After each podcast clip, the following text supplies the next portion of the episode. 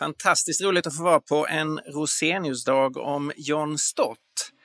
Två gestalter som eh, vars undervisning har talat in i mitt liv på olika sätt, men på väldigt betydelsefulla sätt. Så tack för inbjudan. Det är så roligt att få vara med här. Jag börjar med ett eh, bibelord som fladdrade förbi på en av filmerna som vi såg här, Hebreerbrevet 13, vers 7 och 8. Tänk på era ledare som har förkunnat Guds ord för er. Se på vad deras liv förde fram till och ta efter deras tro. Och det är ju i ljuset av det bibelordet som man samlas en sån här dag. Och det är intressant hur Hebreerbrevets författare går vidare från detta. Tänk på era ledare, hur de förkunnade Guds ord, hur deras liv blev, ta efter deras tro. Och så kommer det omedelbart vad som är deras tro, eller vad som var deras tro. Jesus Kristus, han som är densamma igår och idag och i evighet. Och Det här passar väldigt bra om man ska tala om John Stott. Och mitt uppdrag är att säga någonting om John Stott och apologetiken. Och det ska jag försöka göra. Man kan ju, människor många olika sorters tankar om vad apologetik är för någonting. Och en del tänker att det är ganska abstrakt och teoretiskt, en del tänker att det är väldigt eh, akademiskt eller religionsfilosofiskt. Och om man har sådana definitioner av apologetik så passar inte riktigt John Stott in i den, eh, den fördomen, om jag får säga så, om apologetik. Jag kommer att tala om apologetik ur ett mycket bredare perspektiv, där John Stott väldigt väl passar in. Eh, och jag kommer att tala om apologetik utifrån en definition av att det handlar om att förklara innehållet i kristen tro och försvara sanningshalten i kristen tro. Förklara och försvara. Så, John Stott och apologetiken. Då skulle jag vilja säga att John Stott arbetade apologetiskt genom att använda intellektet. Kanske låter självklart, men jag vill starta där.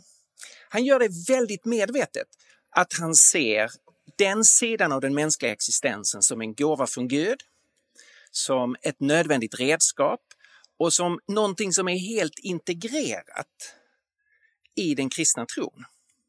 När det gäller att kommunicera den kristna tron och när det gäller att leva som en lärjunge.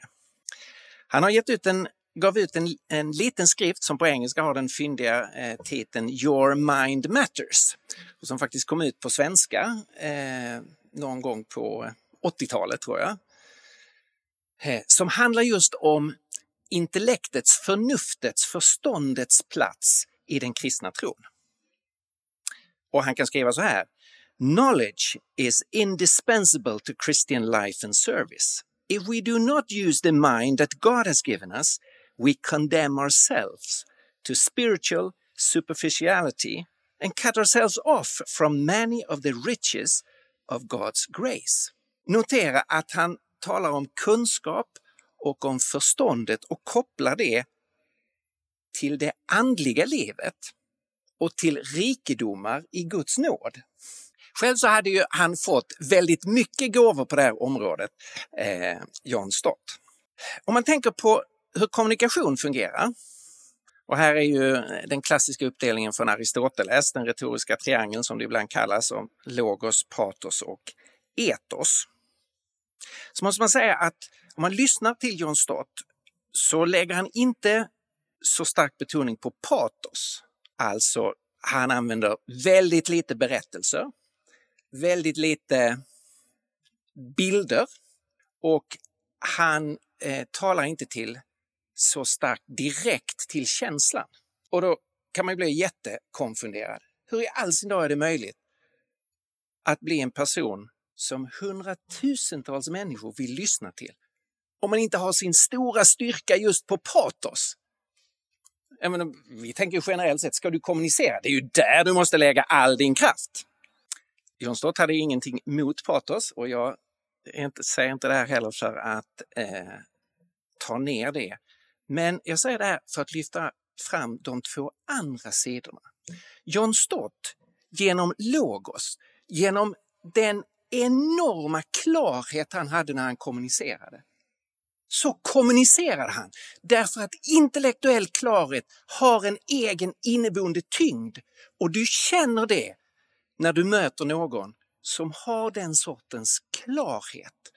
Och så i hans liv kombinerades det med en mycket stor del av etos, personlig trovärdighet. Både att han var oerhört väl inläst och att han var en person med mycket hög integritet. Och de två sakerna gjorde att han, trots att han då inte var utrustad med flest gåvor på patos, var en alldeles enastående kommunikatör i sin tid. För det andra så var eh, John Stott en apologet när det gäller det bibliska materialet. Han är kanske eh, mest känd som missionsledare och som bibelförkunnare. Jag tror det är de två sidorna som de flesta kanske eh, tänker på när det gäller John Stott. Om vi då tar John Stott som bibelförkunnare så finns det en, en lite intressant bakgrund här. För några år sedan så gav eh, eh Chris Wright, som vi har talat om eh, i Lars presentation, han gav ut en, eh, en form av minnesbok om John Stott där ett mycket stort antal av John Stotts vänner har skrivit artiklar om John Stott. Mycket intressant. Och då är där en, en artikel av Oliver Barkley som i England är en legendarisk kristen ledare och som var nära vän till John Stott och de studerade tillsammans i Cambridge. Här har ni Oliver Barkley. Ledde i många, många, under många år eh, studentarbetet i England. Och Oliver Barkley skriver så här om när Stott kom till Cambridge och de två läste tillsammans där. Och John Stott var ju alltså en briljant eh, student.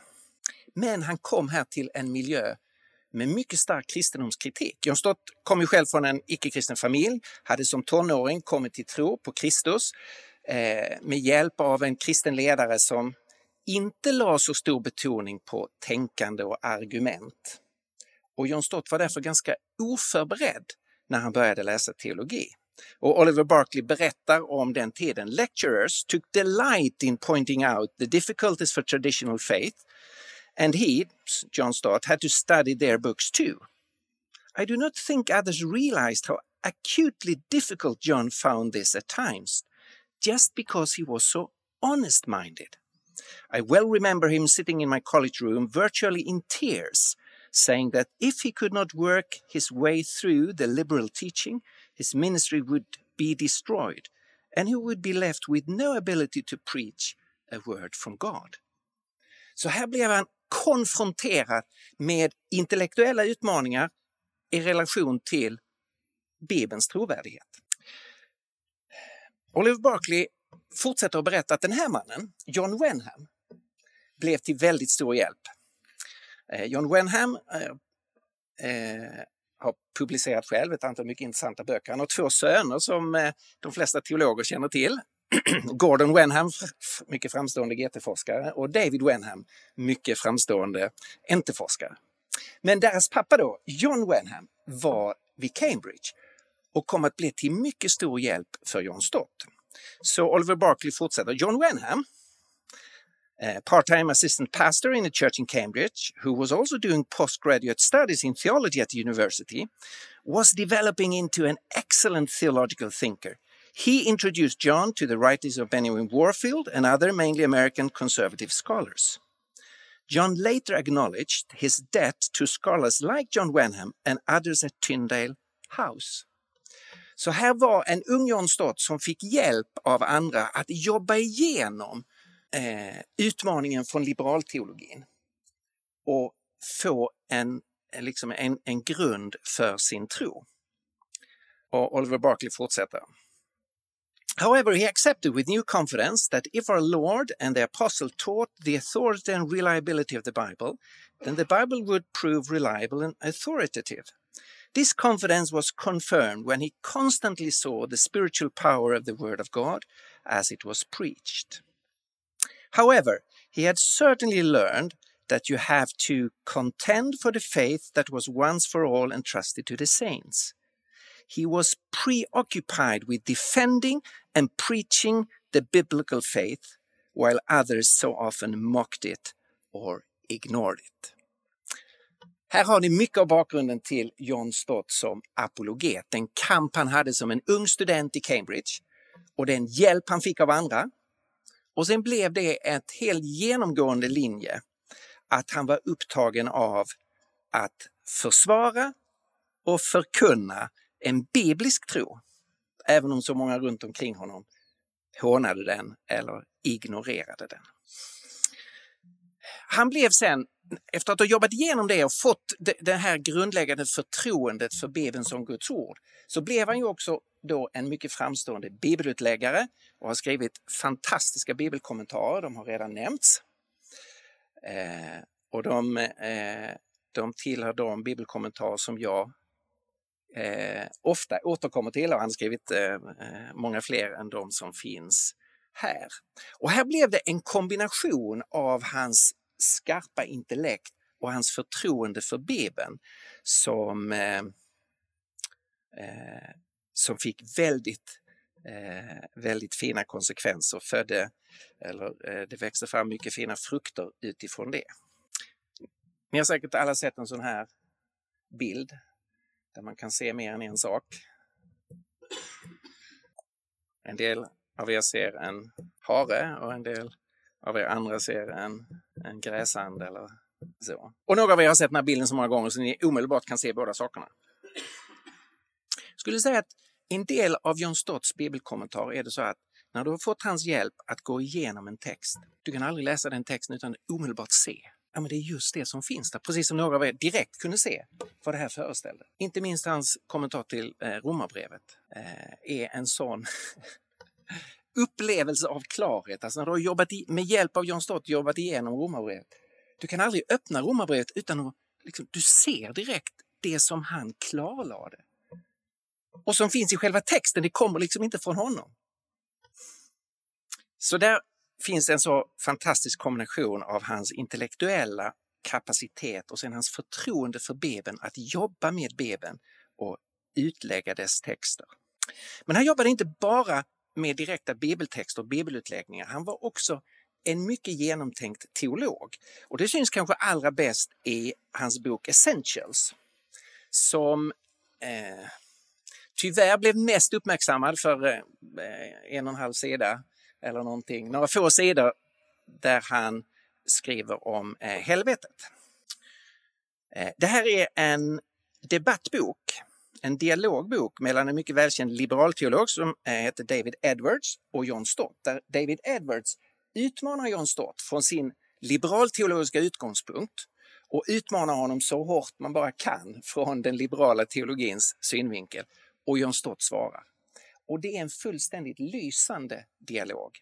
Fantastisk respons från John Stott där han visar sin storhet som apologet när det gäller liksom bredden i den kristna tron.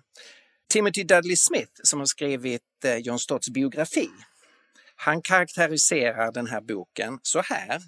The book, Essentials, remains in my view and in its own genre a tour de force of evangelical apologetics. Ett försvar av den evangeliska evangelikala tron. Jag kan verkligen rekommendera den här boken. Mycket intressant att få läsa en framstående liberal teolog som utmanar så rakt han bara kan John Stott när det gäller hur ska vi förstå kristen tro? Och så läsa John Stotts respons.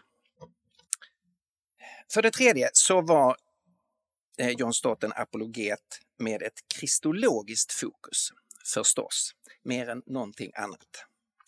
Eh, Jesus, den historiska personen Jesus, den korsfäste personen, Jesus, den uppståndne Jesus var i fokus i, eh, i allt det som John Stott gjorde. Eh, och det känns ju jätteroligt att vi har en nyutgåva av eh, ett av hans allra främsta verk, korset, meningen med Jesu död, som ju många menar är den främsta presentationen av kristendomens centrum som har gjorts eh, på många, många decennier.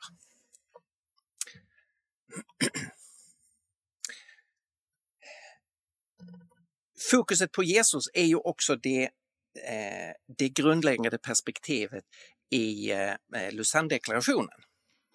Eh, och, och, ni ser det intressanta här eh, på engelska heter det Dulsan Covenant. Det är mer än en deklaration, det är ett förbund. Det är någonting man har ingått tillsammans så det är en mycket djupare överlåtelse än, än bara man deklarerar någonting. Man har gått i ett förbund och det förbundet det handlar ju om bekännelsen till Kristus och kallelsen att ge evangeliet om Jesus Kristus till hela världen.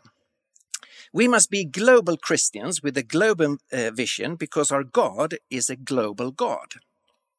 Inte bara på det sättet att Gud har skapat himmel och jord, att Gud är den som har gjort alla folk och stammar, utan också på det sättet att i Kristus så har Gud gripit in och alla människors vägnar och burit bort världens synd och att alla människor nu kallas att bli en del av Guds folk. Där Jesus är Herre, där Jesus är frälsare. Och det har de här globala implikationerna. Därför att det finns ingenting som är jämförbart med eller kan ersätta Jesus Kristus. Väldigt mycket av John Stotts böcker har sitt fokus på Jesus. Mycket av hans, eh, av hans eh, argument för kristen tro eh, går tillbaka till argument för Jesus. För Jesu identitet som Guds son, som Gud inkarnerad och argument för Jesu uppståndelse. Så han har tyngdpunkten i, sin, eh, eh, i sina argument för kristen tro, de ligger på Jesus. Jag ska komma tillbaka till det om en liten stund.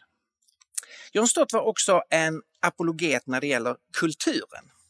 När det gäller att relatera till samtidskulturen.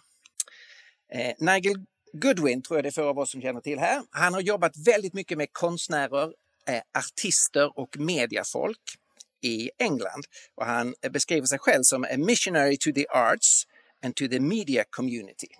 Han berättar så här om John Stott. On at least one occasion, John visited our home for the then Arts Centre Group in Kensington, London.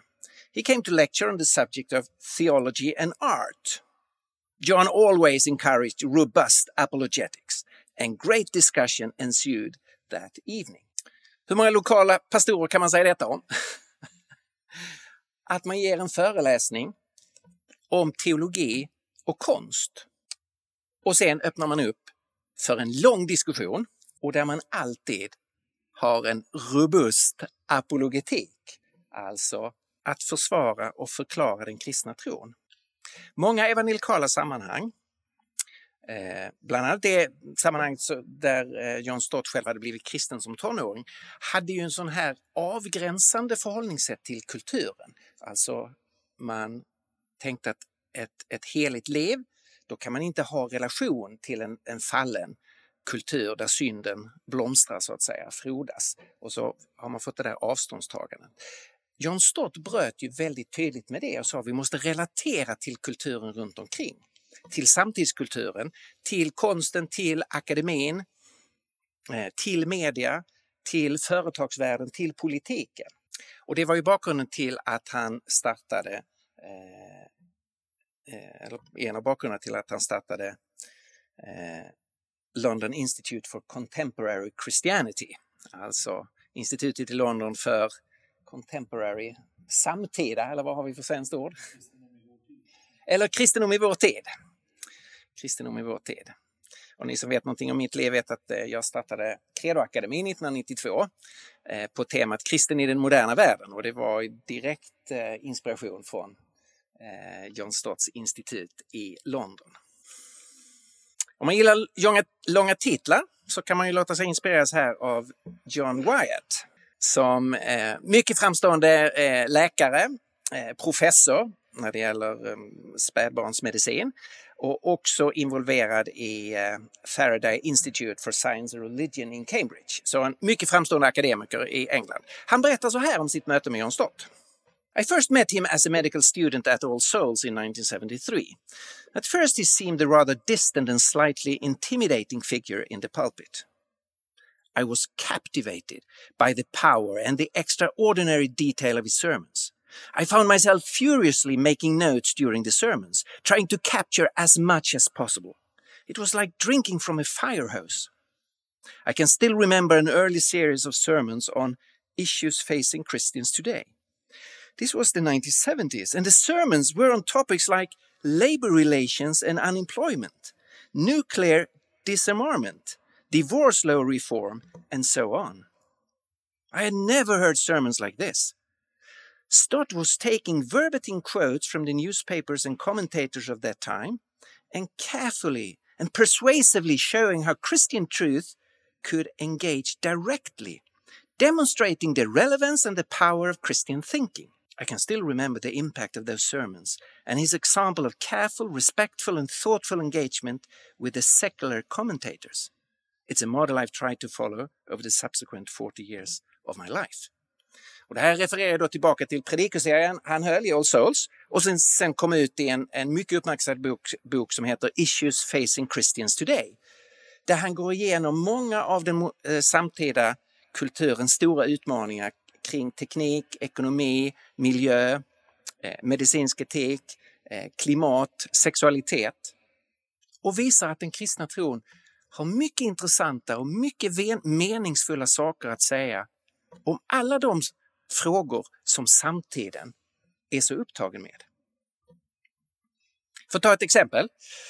Man har nyligen samlat ihop och gett ut olika texter som John Stott har skrivit om miljöfrågan. Trots att han ju skrev detta långt innan vi pratade om eh, klimatförändringar i de termer som vi gör nu. Men han såg de här frågorna, han såg behovet och han visste att kristen tro har något meningsfullt och viktigt att säga om förvaltarskap och hur vi ska relatera till eh, skapelsen. John Stott var en apologet när det gäller människans existentiella frågor. Hans allra mest sålda bok var också en av hans första böcker. Eh, Basic Christianity, på svenska kristendomens ABC. Och eh, ni kanske kan se där uppe på loggan vilket förlag det var som gav ut den i Sverige. Så det var EFS-förlaget som gav ut kristendomens ABC. Eh, som sålde väldigt bra i Sverige och som fortfarande är en ytterligt läsvärd eh, presentation av grundläggande kristen eh, tro. Långt, långt senare så gav John Stott ut en bok som heter Why I am a Christian. Så en grundläggande kan man säga apologetik för varför han är kristen och varför han tycker att du och jag och andra ska vara kristna. Titeln är ju en direkt referens till Bertrand Russells klassiska bok Why I'm Not a Christian. Det är intressant att titta på innehållsförteckningen här i, i Stotts bok. Vi, vi glömmer Russell här för ett tag. Så säger det oss någonting om John Stotts apologetik. Första kapitlet heter The Hound of Heaven och är en formulering som finns i en berömd eh, dikt. Och det handlar om, inte hur John Stott sökte Gud, men om hur Gud sökte honom. Hur Gud jagade ifatt John Stott eh, och kom in i hans liv. Och det kan man säga att John Stott har inte väldigt mycket argumentation kring Guds existens. Delvis tror jag av teologiska skäl, att det är faktiskt Gud som söker oss mer än vad vi söker Gud. Det är Gud som bryter in i människors liv. Så det finns en teologisk anledning. Jag tror också det finns delvis en historisk och kulturell anledning att frågan om Guds existens var inte en lika laddad fråga i Stotts England på 30, 40, 50, 60-talet som det är i Sverige nu. Alltså behovet hos en stor del av befolkningen i alla fall, var inte att ta ett första steg och säga det är kanske möjligt att det finns en gud. Den möjligheten fanns där för de allra flesta. Eh, så eh, Stott lägger inte väldigt mycket tid på argument för Guds existens. Han är inte emot dem, men det är inte där han lägger sitt fokus. Eh, och i den här boken så är utgångspunkten att det är Gud som söker oss. Sen kommer det två kapitel om Jesus Jesu anspråk, att förstå den historiska personen Jesus och vem han gör anspråk på att vara.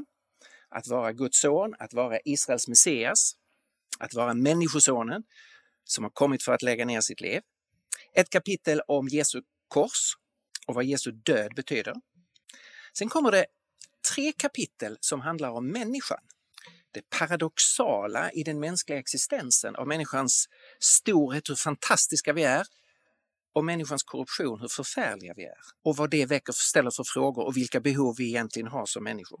Ett kapitel om frihet, det som vi längtar efter men som vi inte finner själva därför att vi finner oss bundna, fångna och där evangeliet, precis som det förklarar paradoxen med vår storhet och eh, vår syndfullhet, så är evangeliet om Jesus är nyckeln till frihet, för han kan befria oss från det som vi själva inte kan eh, slå oss fria från. Och sen har han ett kapitel om, eh, och, eh, om vår längtan, om hur vår längtan eh, kan mötas. Och då kan ni se här att han, han blir ganska existentiell kring människans behov, människans väsen, människans behov, människans drömmar, hur evangeliet talar in i människans faktiska situation. Och det är de här två punkterna, den historiska Jesus, argument för Jesus, inkarnationen, Jesu död och Jesu uppståndelse, och så kopplingen till människans behov, eh, där han eh, lägger tyngdpunkten i sin eh, apologetik. Och så slutar boken med Eh, the greatest of all invitation, inbjudan att ta emot Jesus. Så här har ni en, en översikt eh, bara utifrån en innehållsförteckning i en av John Stotts, eh, John Stotts böcker. I allt det som han har gjort, de här olika punkterna, det intellektuella,